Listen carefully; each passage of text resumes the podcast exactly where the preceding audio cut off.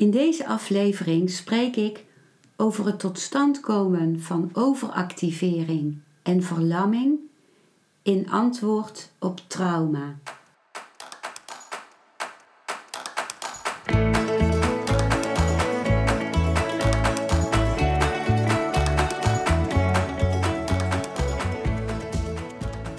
Welkom bij een nieuwe aflevering van Modita's podcast Van Pijn naar Zijn. De podcast waarin ik je meeneem voorbij de pijn in je leven naar wie je diep van binnen bent. Hoe kun je beter omgaan met je gevoelens? Hoe vind je rust in je hoofd? Wat zit er precies achter je pijn? En vooral, hoe kun je steeds meer jezelf zijn? Adem eens diep in en uit. Ik wens je veel luisterplezier.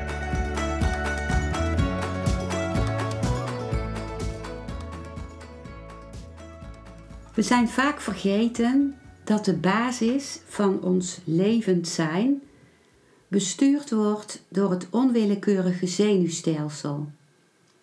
In het Latijn heet dit het autonome zenuwstelsel. Autonoom betekent zelfbestuur, zelfstandigheid. Het is een zenuwstelsel dat zelfstandig, los van ons bewustzijn, ervoor zorgt dat we ademen, dat ons hart klopt, dat ons voedsel verteerd wordt, dat afvalstoffen uitgescheiden worden, dat onze hormonen hun werk doen, onze wonden genezen en nog veel meer. Als we dat allemaal bewust zouden moeten doen, zouden we het nooit voor elkaar krijgen om in leven te blijven. Als mens zijn bovenop dat zelfstandige zenuwstelsel nieuwe gebieden in onze hersenen erbij gekomen, waarmee we kunnen denken, redeneren, onze impulsen kunnen beheersen als dat nodig is om sociaal te kunnen zijn. En met die nieuwe hersenen zijn we ons er ook bewust van dat we überhaupt zijn. Deze nieuwe hersengebieden brengen ons heel veel, maar ze kunnen ons ook tegenwerken als ze de noodzakelijke processen die nodig zijn om de heftige prikkels van trauma te verwerken, als ze die processen blokkeren. Als je gezond bent, dan is er een veerkracht. Dan is er een ritme tussen de twee delen van dat autonome zenuwstelsel. En die twee delen, dat, die, dat zijn het sympathische zenuwstelsel, dat zorgt voor onze activiteit. En het parasympathische zenuwstelsel, dat zorgt voor onze rust. In een gezonde situatie blijven de uitersten van activiteit en de rust, de passiviteit, binnen bepaalde grenzen. En dan beweegt onze energie tussen die grenzen als een bootje op onze levensrivier, waarbij dat bootje binnen de oevers blijft. De ene oever is de uiterste grens van wat nog gezond is aan activiteit. En de andere oever is de uiterste grens van wat nog wenselijk en nodig is in passiviteit en rust. In het weer tot rust komen na activiteit. Wat is nu trauma? Trauma is alles wat te veel, te plotseling of te snel is voor ons zenuwstelsel. Ik zal van alle drie een voorbeeld geven. Een voorbeeld van te veel is als je je geliefde verliest en kort daarna ook nog je werk. Dus als er uh, twee hele grote gebeurtenissen bij elkaar komen en één van die gebeurtenissen uh, kan al veel te veel zijn. Een voorbeeld van te plotseling is: je geliefde krijgt de diagnose kanker en overlijdt binnen drie dagen. Dat is iets wat niet meer bij te benen is voor het zenuwstelsel vaak. En een voorbeeld van te snel is dat de remmen van je fiets het begeven terwijl je een berg affietst. En je snelheid wordt groter, groter, groter, groter. En als je dan een bocht maakt, dan heb je geen tijd meer met die grote snelheid om de aanpassingen te kunnen maken om in evenwicht te blijven. En om een val te voorkomen. Dus wat te veel is, te plotseling of te snel, gaat de veerkracht van ons zenuwstelsel te boven. De activiteit van het zenuwstelsel die dan op gang komt, die kan hier niet meer op inspelen, omdat het gewoon te veel is. Je gaat buiten de oever van jouw levensrivier, die nog in wilde dammen, dat alles behapbaar bleef. En dan zijn er twee mogelijkheden. De eerste mogelijkheid is: je probeert te vechten of te vluchten. Dat is een normale reactie op, op uh, gevaar. Terwijl dat niet meer kan als het te veel, te, te plotseling, te snel is. En wat er dan gebeurt is dat de geactiveerde energie die zich heeft opgebouwd om jou te beschermen, zich torenhoog opstapelt in dat sympathische zenuwstelsel dat voor activiteit is bedoeld. En dat bedoeld is om de vecht- of vluchtreactie in gang te zetten. En dat stapelt zich zo hoog op dat het veel te veel wordt. En nu komt het parasympathische zenuwstelsel in actie als beschermingsmechanisme. En die zet daar een hele grote rem op. Die buigt zich als een mantel over deze grote activiteit van het sympathische zenuwstelsel heen. En remt het. En uh, dat, dat, dat is de grote achterste zenuwtak van de nervus vagus, van de zwervende zenuw in ons lichaam, die dat doet. Het heet zwervende zenuw omdat hij door het hele lichaam gaat. Het beïnvloedt de longen, de, de, het hart, de darmen.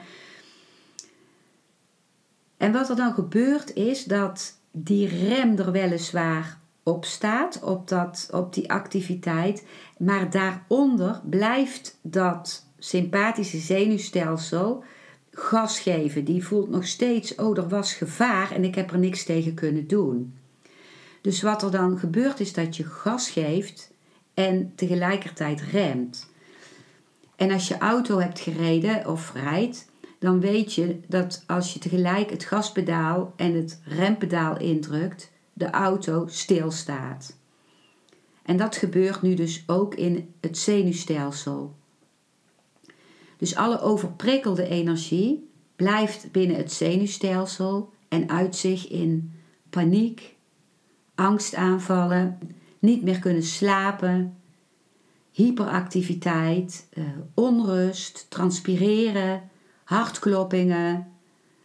Eh, kan ook een maagzweer ontstaan, trillen, een continu stressgevoel. Dus dat is die activiteit. En tegelijkertijd ben je door die rem van die nervus vagus, van dat parasympathische zenuwstelsel, bevroren en kun je geen kant op. Dus het is die enorme onrust en stress en tegelijkertijd een, een soort een verlamming. Dus je kunt je bijna niet meer bewegen.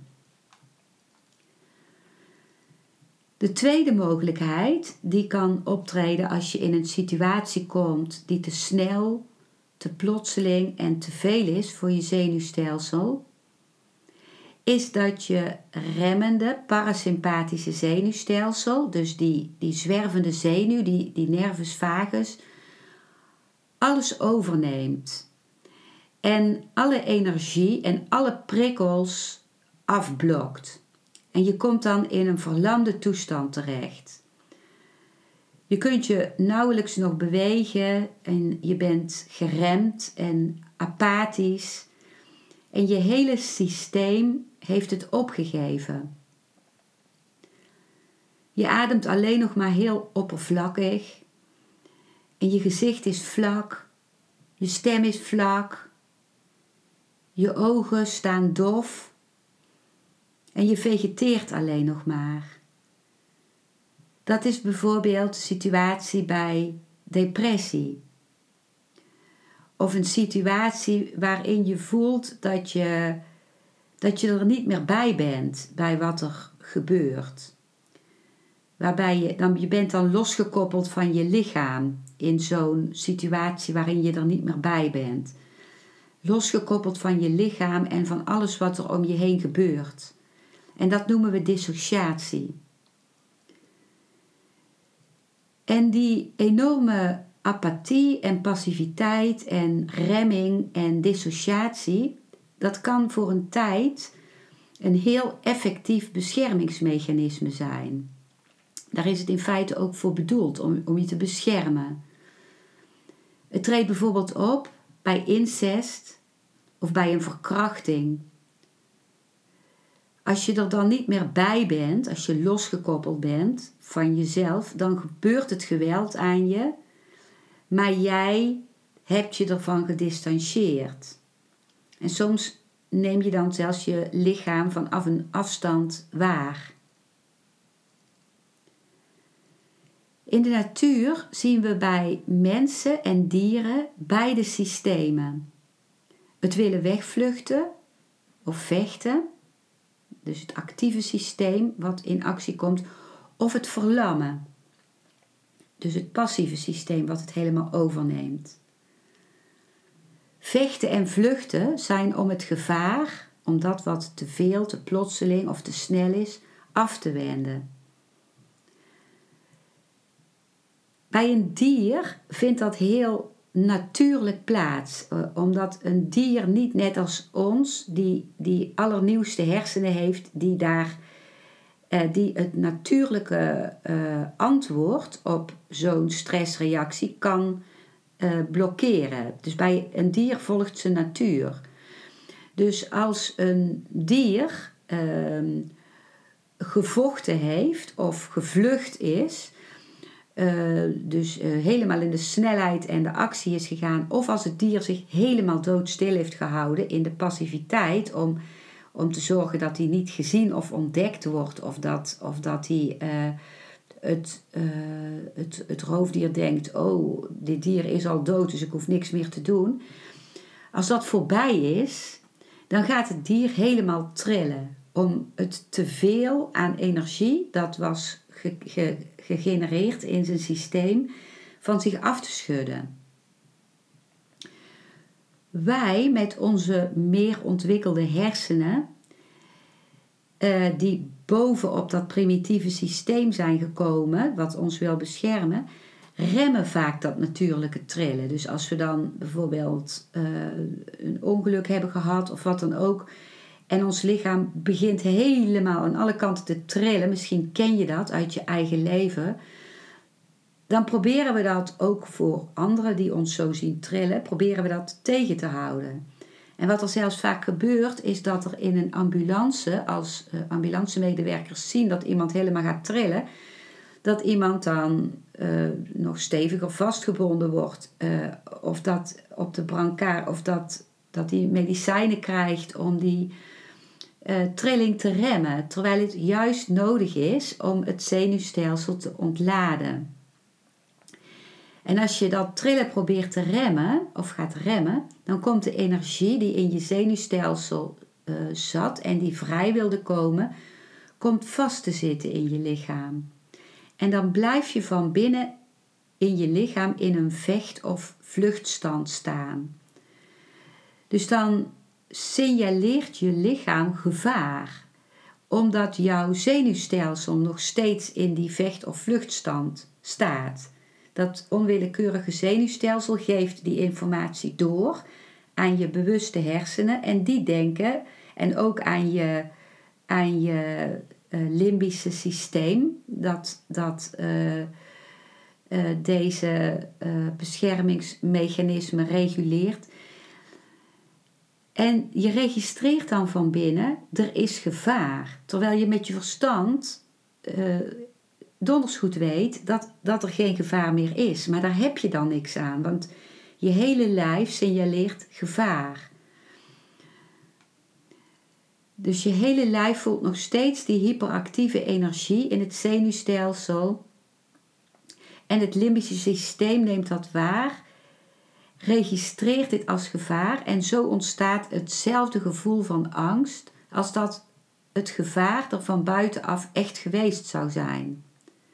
Dat maakt voor het lichaam niet uit of het alleen maar of het echt is of dat het als echt ervaren wordt door de prikkeling van het zenuwstelsel. In de natuur kan het heel behulpzaam zijn om helemaal te verlammen. Als een roofdier een prooi in zijn bek heeft en deze prooi verlamt helemaal en ademt niet meer zichtbaar en lijkt dus dood, dan is die prooi niet meer interessant voor het roofdier. En vaak laat het roofdier het dan los. Want die, die voelt dat hij echt wil, wil, wil roven en een ander dier wil, wil eh, bedwingen. En, en die raakt dan helemaal in een soort verwarring en laat het los. En als dat roofdier dan weer doorloopt, dan kan na een tijdje het dier weer opstaan. En gaat het helemaal trillen om de energie los te laten uit zijn systeem. En omdat het dan helemaal weer schoon is van die energie, kan het gewoon weer doorgaan met zijn leven. En ontwikkelt het geen posttraumatische stress. Anders zou een dier continu in posttraumatische stress zijn, omdat een dier in de natuur zo vaak wordt aangevallen. Maar bij ons, zoals gezegd, blijft die energie vaak, omdat die zich niet mag ontladen van onze hogere hersenen in ons lijf aanwezig.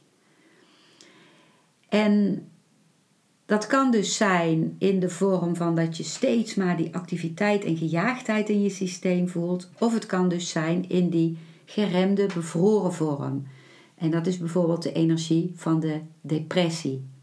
Er is dan geen leven meer voelbaar in jezelf. En je bent dan alle interesse in dingen en in mensen kwijt omdat je energie helemaal hermetisch in jezelf zit, afgekapseld.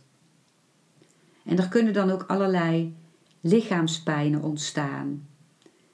En een van de, de vormen van, uh, van uh, zo'n aandoening die, die, die dan kan ontstaan is uh, fibromyalgie. Maar het kunnen ook heel veel andere lichaamsklachten zijn, of het chronische vermoeidheidssyndroom bijvoorbeeld.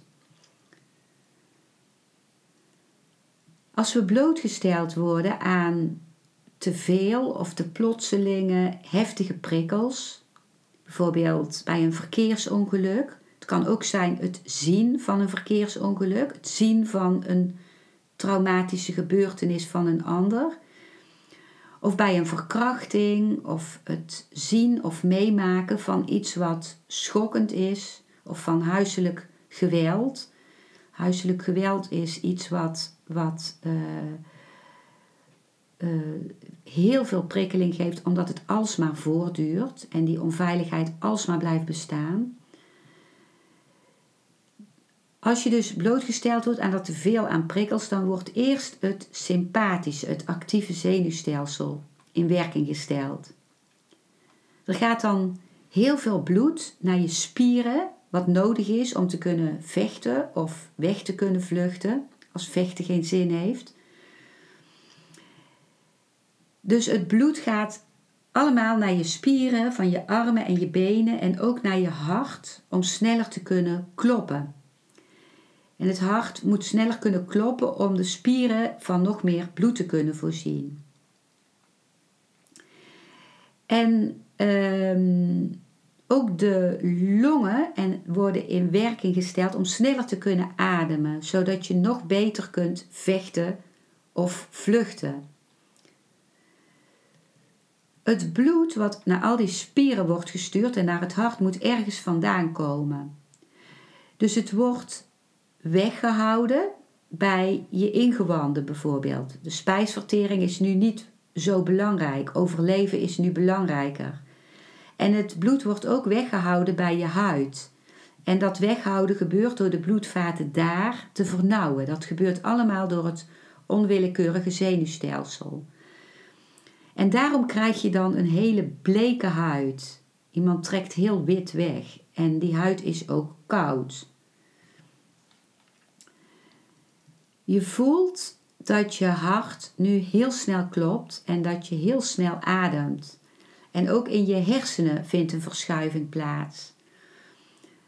De gebieden en de zenuwen die gericht zijn op het maken van sociaal contact en op het kunnen beredeneren en rationaliseren van dingen en ook het geheugen, al die gebieden worden uitgeschakeld, omdat die, die zouden je af kunnen leiden. Als, je, als er gevaar is en je gaat eerst nog van alles bedenken of je gaat denken van, oh hoe zou het met mijn gezin zijn of wat dan ook, dan kun je niet de, de goede actie ondernemen.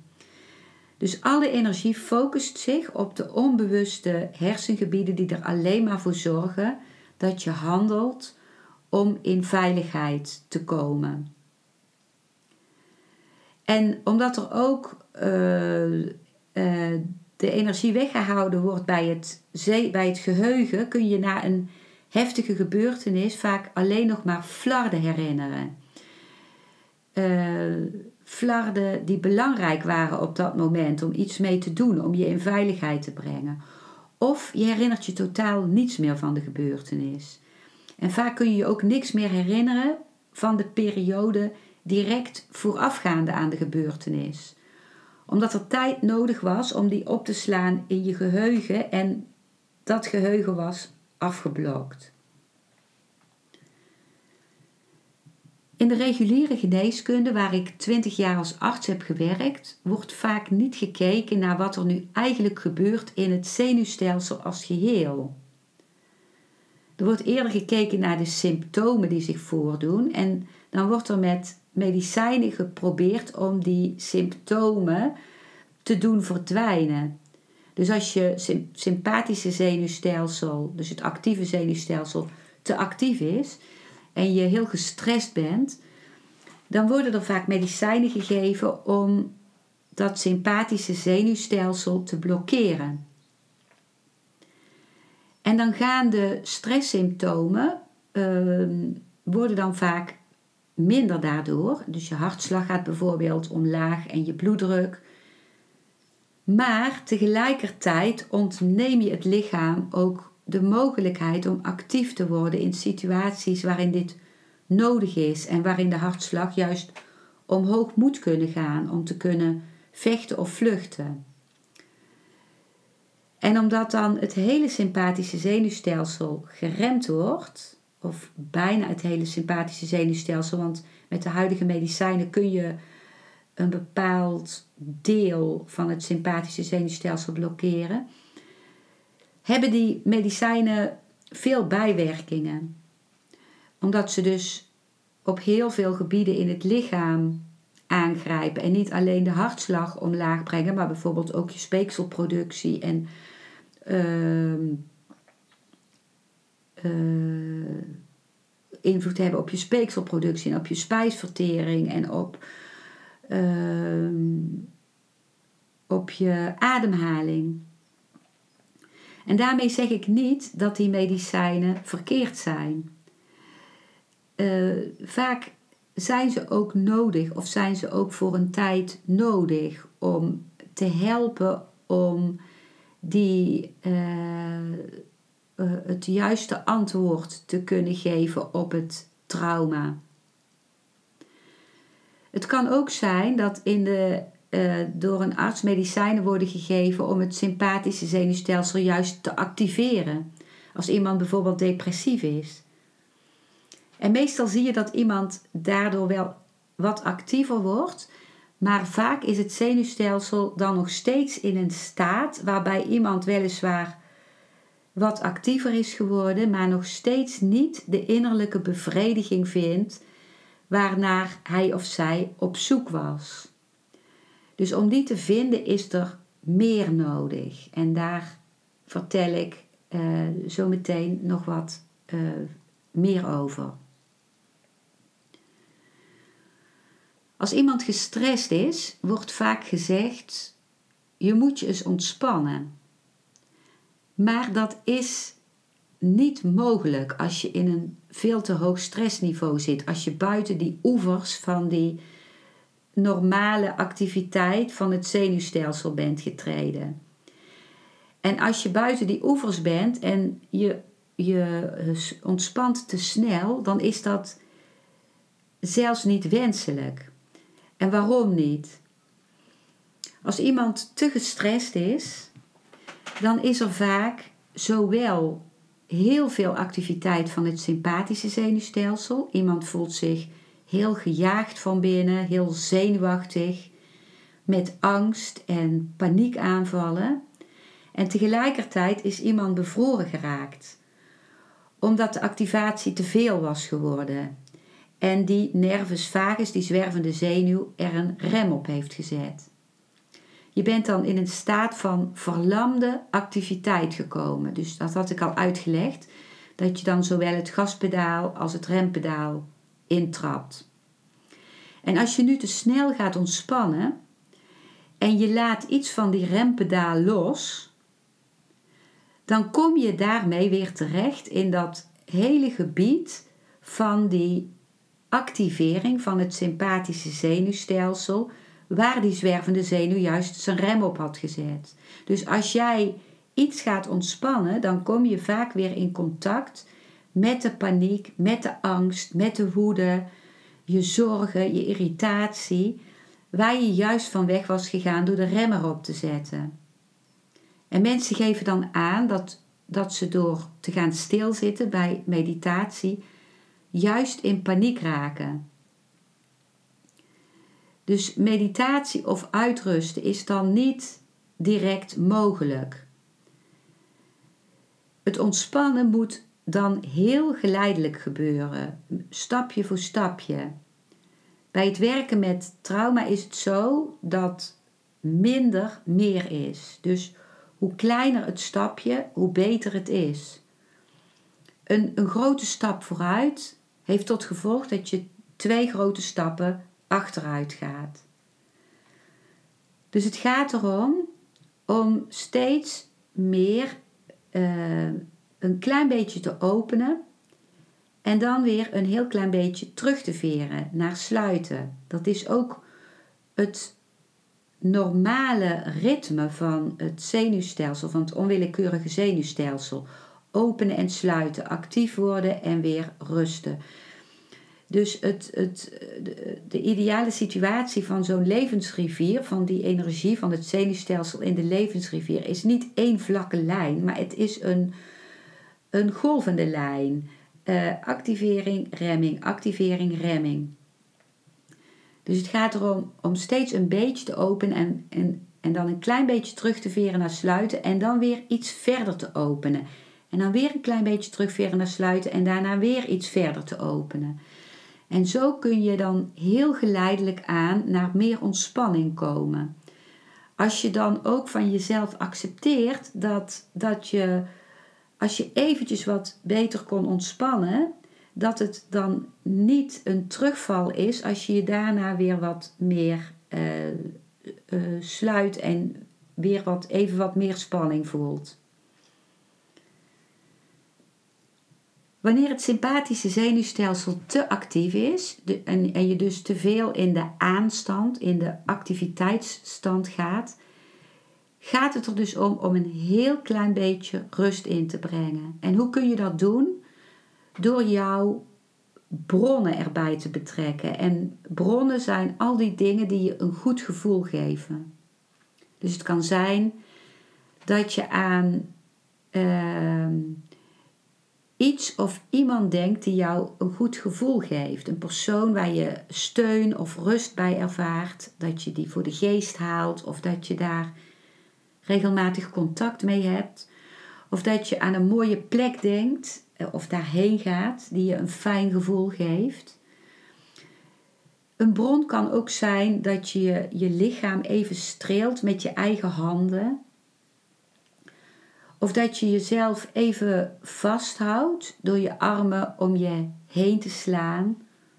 Of door te denken aan iets waar je warm voor loopt. Een, een, een fijne activiteit of een sport of een beweging die je graag doet. Of een, een project dat je voldoening geeft en uh, waar je zingeving uithaalt. Voor kinderen kan het, of volwassenen kan ook natuurlijk, maar voor kinderen kan het bijvoorbeeld vaak zijn ook een, een uh, uh, iets, uh, een vriend die ze zich voorstellen in hun verbeelding. Of een, een dier, kan ook een dier zijn waar je van houdt. En uh, dus dat kun je doen als je zenuwstelsel te actief is. En dat kun je ook doen als, als je in zo'n uh, passiviteit, in een verlamming zit. Ook dan is het belangrijk om je hulpbronnen aan te boren. Om na te gaan bij jezelf, wat zijn nu je hulpbronnen? Je kunt, ik heb daar ook wel zelf een heel lijstje van gemaakt. En dan kan het zijn dat het uh, in bepaalde situaties fijn is om dat lijstje even tevoorschijn te halen. En te denken, wat zou ik nou van uit dat lijstje kiezen op dat moment, op dit moment. Wanneer je in de verlamming zit, wanneer het parasympathische zenuwstelsel te actief is, dus je helemaal geremd bent, dan kan het helpen om een klein beetje activiteit in te brengen. Dus ook dan is het weer het beginnen met iets kleins. En dat kan bijvoorbeeld al zijn het wiebelen met je tenen. En niet alleen het wiebelen, maar ook het voelen dat je aan het wiebelen bent. Dus om, om daar ook echt contact mee te maken. Of door een klein wandelingetje te maken. Of door uh, bijvoorbeeld, eh, stel dat je helemaal voelt, ik zit helemaal in een blokkade, ik ben verlamd, dat je dan als je zit op een stoel, dat je dan bijvoorbeeld je handen aan de buitenkant van je knieën legt. En dan druk je je knieën naar buiten tegen je handen aan en met je handen hou je je knieën tegen. Dus dan ga je een spanning voelen in je benen. En daar maak je dan contact mee. Dan krijg je weer contact met je, het leven in je benen. En je kunt het ook andersom doen, dat je je, je knieën aan de binnenkant tegenhoudt en dat je dan probeert je knieën naar elkaar toe te brengen. Dus dan komt er iets in gang van het actieve sympathische zenuwstelsel en kan er dus wat meer balans ontstaan. Ik noem hier dus maar hele kleine dingen. Ehm, en uh, de heronderhandeling van trauma. Uh, het is geen traumatherapie, maar een heronderhandeling van het zenuwstelsel. Van, van het antwoord dat jouw zenuwstelsel heeft gegeven op trauma. Dat kun je heronderhandelen. En daar is een, een veel, nog een veel uitgebreidere uh, traumabegeleiding voor nodig. Ik ben daar op dit moment de opleiding voor aan het doen. Uh, maar ik geef hier een, uh, een, kleine uitleg en ook een kleine aanzet die ook iets kan brengen. Want je kunt daar ook zelf al dingen in doen.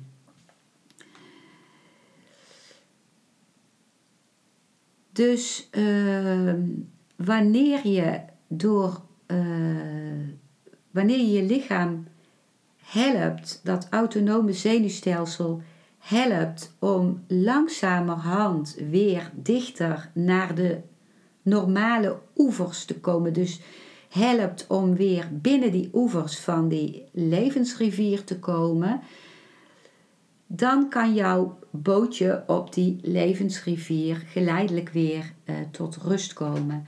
En daar is uh, vooral als het uh, een heel groot trauma is geweest, maar iets heel kleins in je leven kan een heel groot trauma zijn geweest voor jou. Dat heeft ook te maken met de veerkracht die je al had, waarmee je al opgegroeid bent. En het heeft ook te maken met uh, hoe gevoelig je bent. Dus denk niet dat als je uh, geblokkeerd bent geraakt of, of overgeactiveerd, terwijl je ook waarschijnlijk iets heel zogenaamd heel kleins hebt meegemaakt, dat dat minder belangrijk is dan iemand die iets enorm verschrikkelijks heeft meegemaakt en die een veel grotere veerkracht had. Dus het, het, het gaat puur om wat er in jou gebeurt, om daar uh, alle aandacht voor te hebben en om dat ook serieus te nemen. Dan is er nog een derde ding. Ik had het over die twee delen van het autonome zenuwstelsel, dus het sympathische en het parasympathische. Maar er is nog een derde tak en dat is de voorste tak van het parasympathische zenuwstelsel. De voorste tak betekent dat is een deel van het parasympathische zenuwstelsel, dus van het passieve zenuwstelsel, dat aan de voorkant van de hersenen ontspringt. Daarom heet het de voorste tak. En die tak, die, ik noem hem het uh, sociale zenuwstelsel. Ik heb dat zelf nog nergens gelezen, maar dat is een soort samenvatting die ik er zelf uh, voor gegeven heb. En het sociale zenuwstelsel is het zenuwstelsel dat uit vijf hersenzenuwen bestaat. En die hersenzenuwen die besturen de spieren van je gezicht, van je stembanden en van een deel van de longen. Dat zorgt dat je soepel ademhaalt en ook het bovenste deel van je slokdarm. En het bestuurt ook je, uh, je monnikskapspier. Dus die hele grote trapeziusachtige spier die van je, de, de, je schedelrand, achter, van je achterhoofd, helemaal naar je schouders loopt. En van daaruit weer helemaal als een punt naar je onderrug. En dat zenuwstelsel dat zorgt ervoor dat je nek vloeiend kan bewegen. Dus dat je helemaal uh, kunt draaien naar waar jij je aandacht aan wilt geven. Dat je gezicht expressief is. En dus dat je ook je emoties kunt uitdrukken. En dat zenuwstelsel kan ook emoties oppikken van anderen. Want als iemand anders een bepaalde gezichtsuitdrukking heeft, dan spiegelen wij dat in ons eigen zenuwstelsel. Dus dan voel je eigenlijk aan je eigen gezicht wat die ander voelt. En dit sociale zenuwstelsel zorgt er ook voor dat je stem melodieus is, zodat je je gevoelens kunt uitdrukken en anderen kunnen oppikken hoe jij je voelt. En als dat zenuwstelsel actief is, dan voel je je veilig en in contact met jezelf en met anderen. En dan ervaar je een hele fijne rust. Een rust van echt die je kunt ervaren als je voelt: oh, nu kan ik heerlijk achterover leunen in mijn, in mijn stoel en ik hoef niks en ik mag er gewoon helemaal zijn. Uh, het is een rust waarbij je je veilig voelt en waarbij je een welbevinden voelt. En dan is er als dat zenuwstelsel actief is, dan is er ook tijd voor die rust. En dan is er tijd voor contact met anderen. Dan ben je open voor contact met anderen en kun je lachen met anderen, ook huilen met anderen. Je kunt uitwisselen en je kunt verbonden zijn met anderen om, om, om ook samen te werken met anderen. En je bent geïnteresseerd in de ander. En als iemand in die situatie zit, dan zie je dat hij uh, relaxed is en dat, dat het gezicht uh, levendig is en expressief. Vooral het stuk tussen de, de ogen en de, en de bovenlip. Dat hele stuk, dat daar veel beweging is. Dat de ogen helder staan, dat iemand uh, je echt aankijkt, dat de stem melodieus is. Um, dus dat is wanneer dat sociale zenuwstelsel actief kan zijn. Wanneer je in zo'n uh, stressreactie zit, waarbij het sympathische zenuwstelsel te actief is, uh, en wanneer je dus in gevaar bent, of uh, zo, zoals ik in, eerder in deze aflevering vertelde, of als er trauma is, dan dan wordt dit uit een overlevingsinstinct, dit sociale zenuwstelsel, uitgeschakeld. Je bent dan alleen nog op de overleving gericht. En dat is uit zelfbescherming, dat het sociale gebeuren dan naar de achtergrond wordt geschoven, omdat dat je af zou leiden van wat nodig is om te overleven.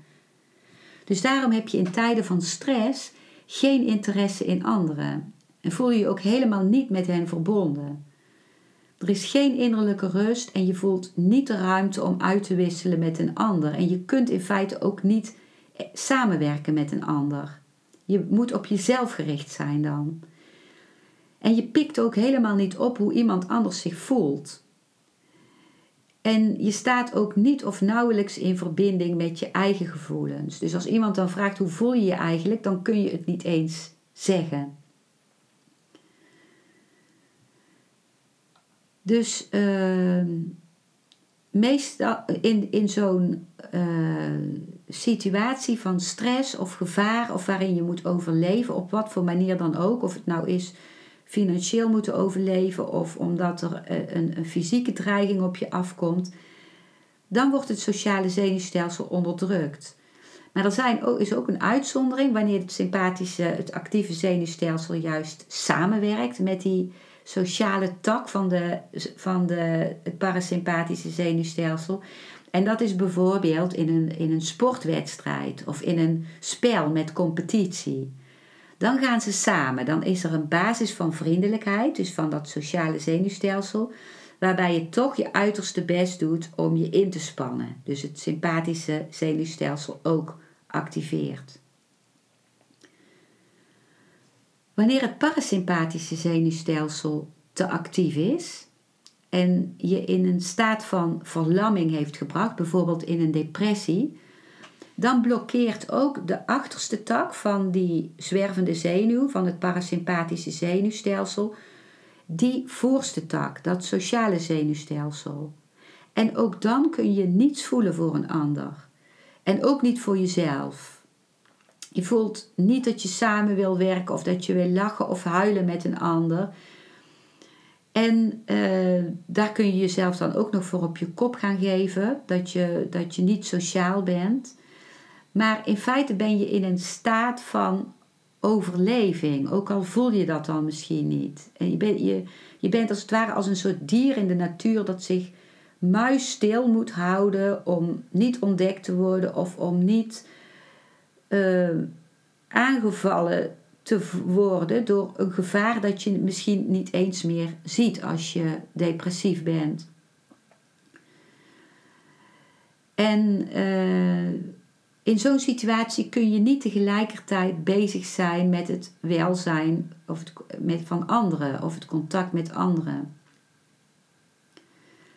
Zoals ik al zei, doe ik nu een, uh, de opleiding Somatic Experiencing. Dat is een opleiding van drie jaar, een hele intense opleiding, waarin ik uh, zelf leer om mijn eigen uh, activiteit van het zenuwstelsel te reguleren, waardoor ik er ook echt kan zijn voor anderen als ik met hen werk.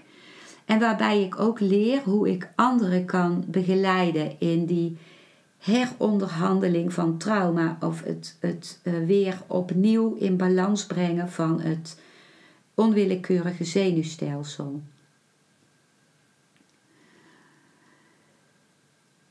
Voor mij eh, betekent het veel dat ik nu begrijp waarom ik er sociaal gezien niet kon zijn voor anderen en ook niet voor mezelf tijdens mijn depressies bijvoorbeeld.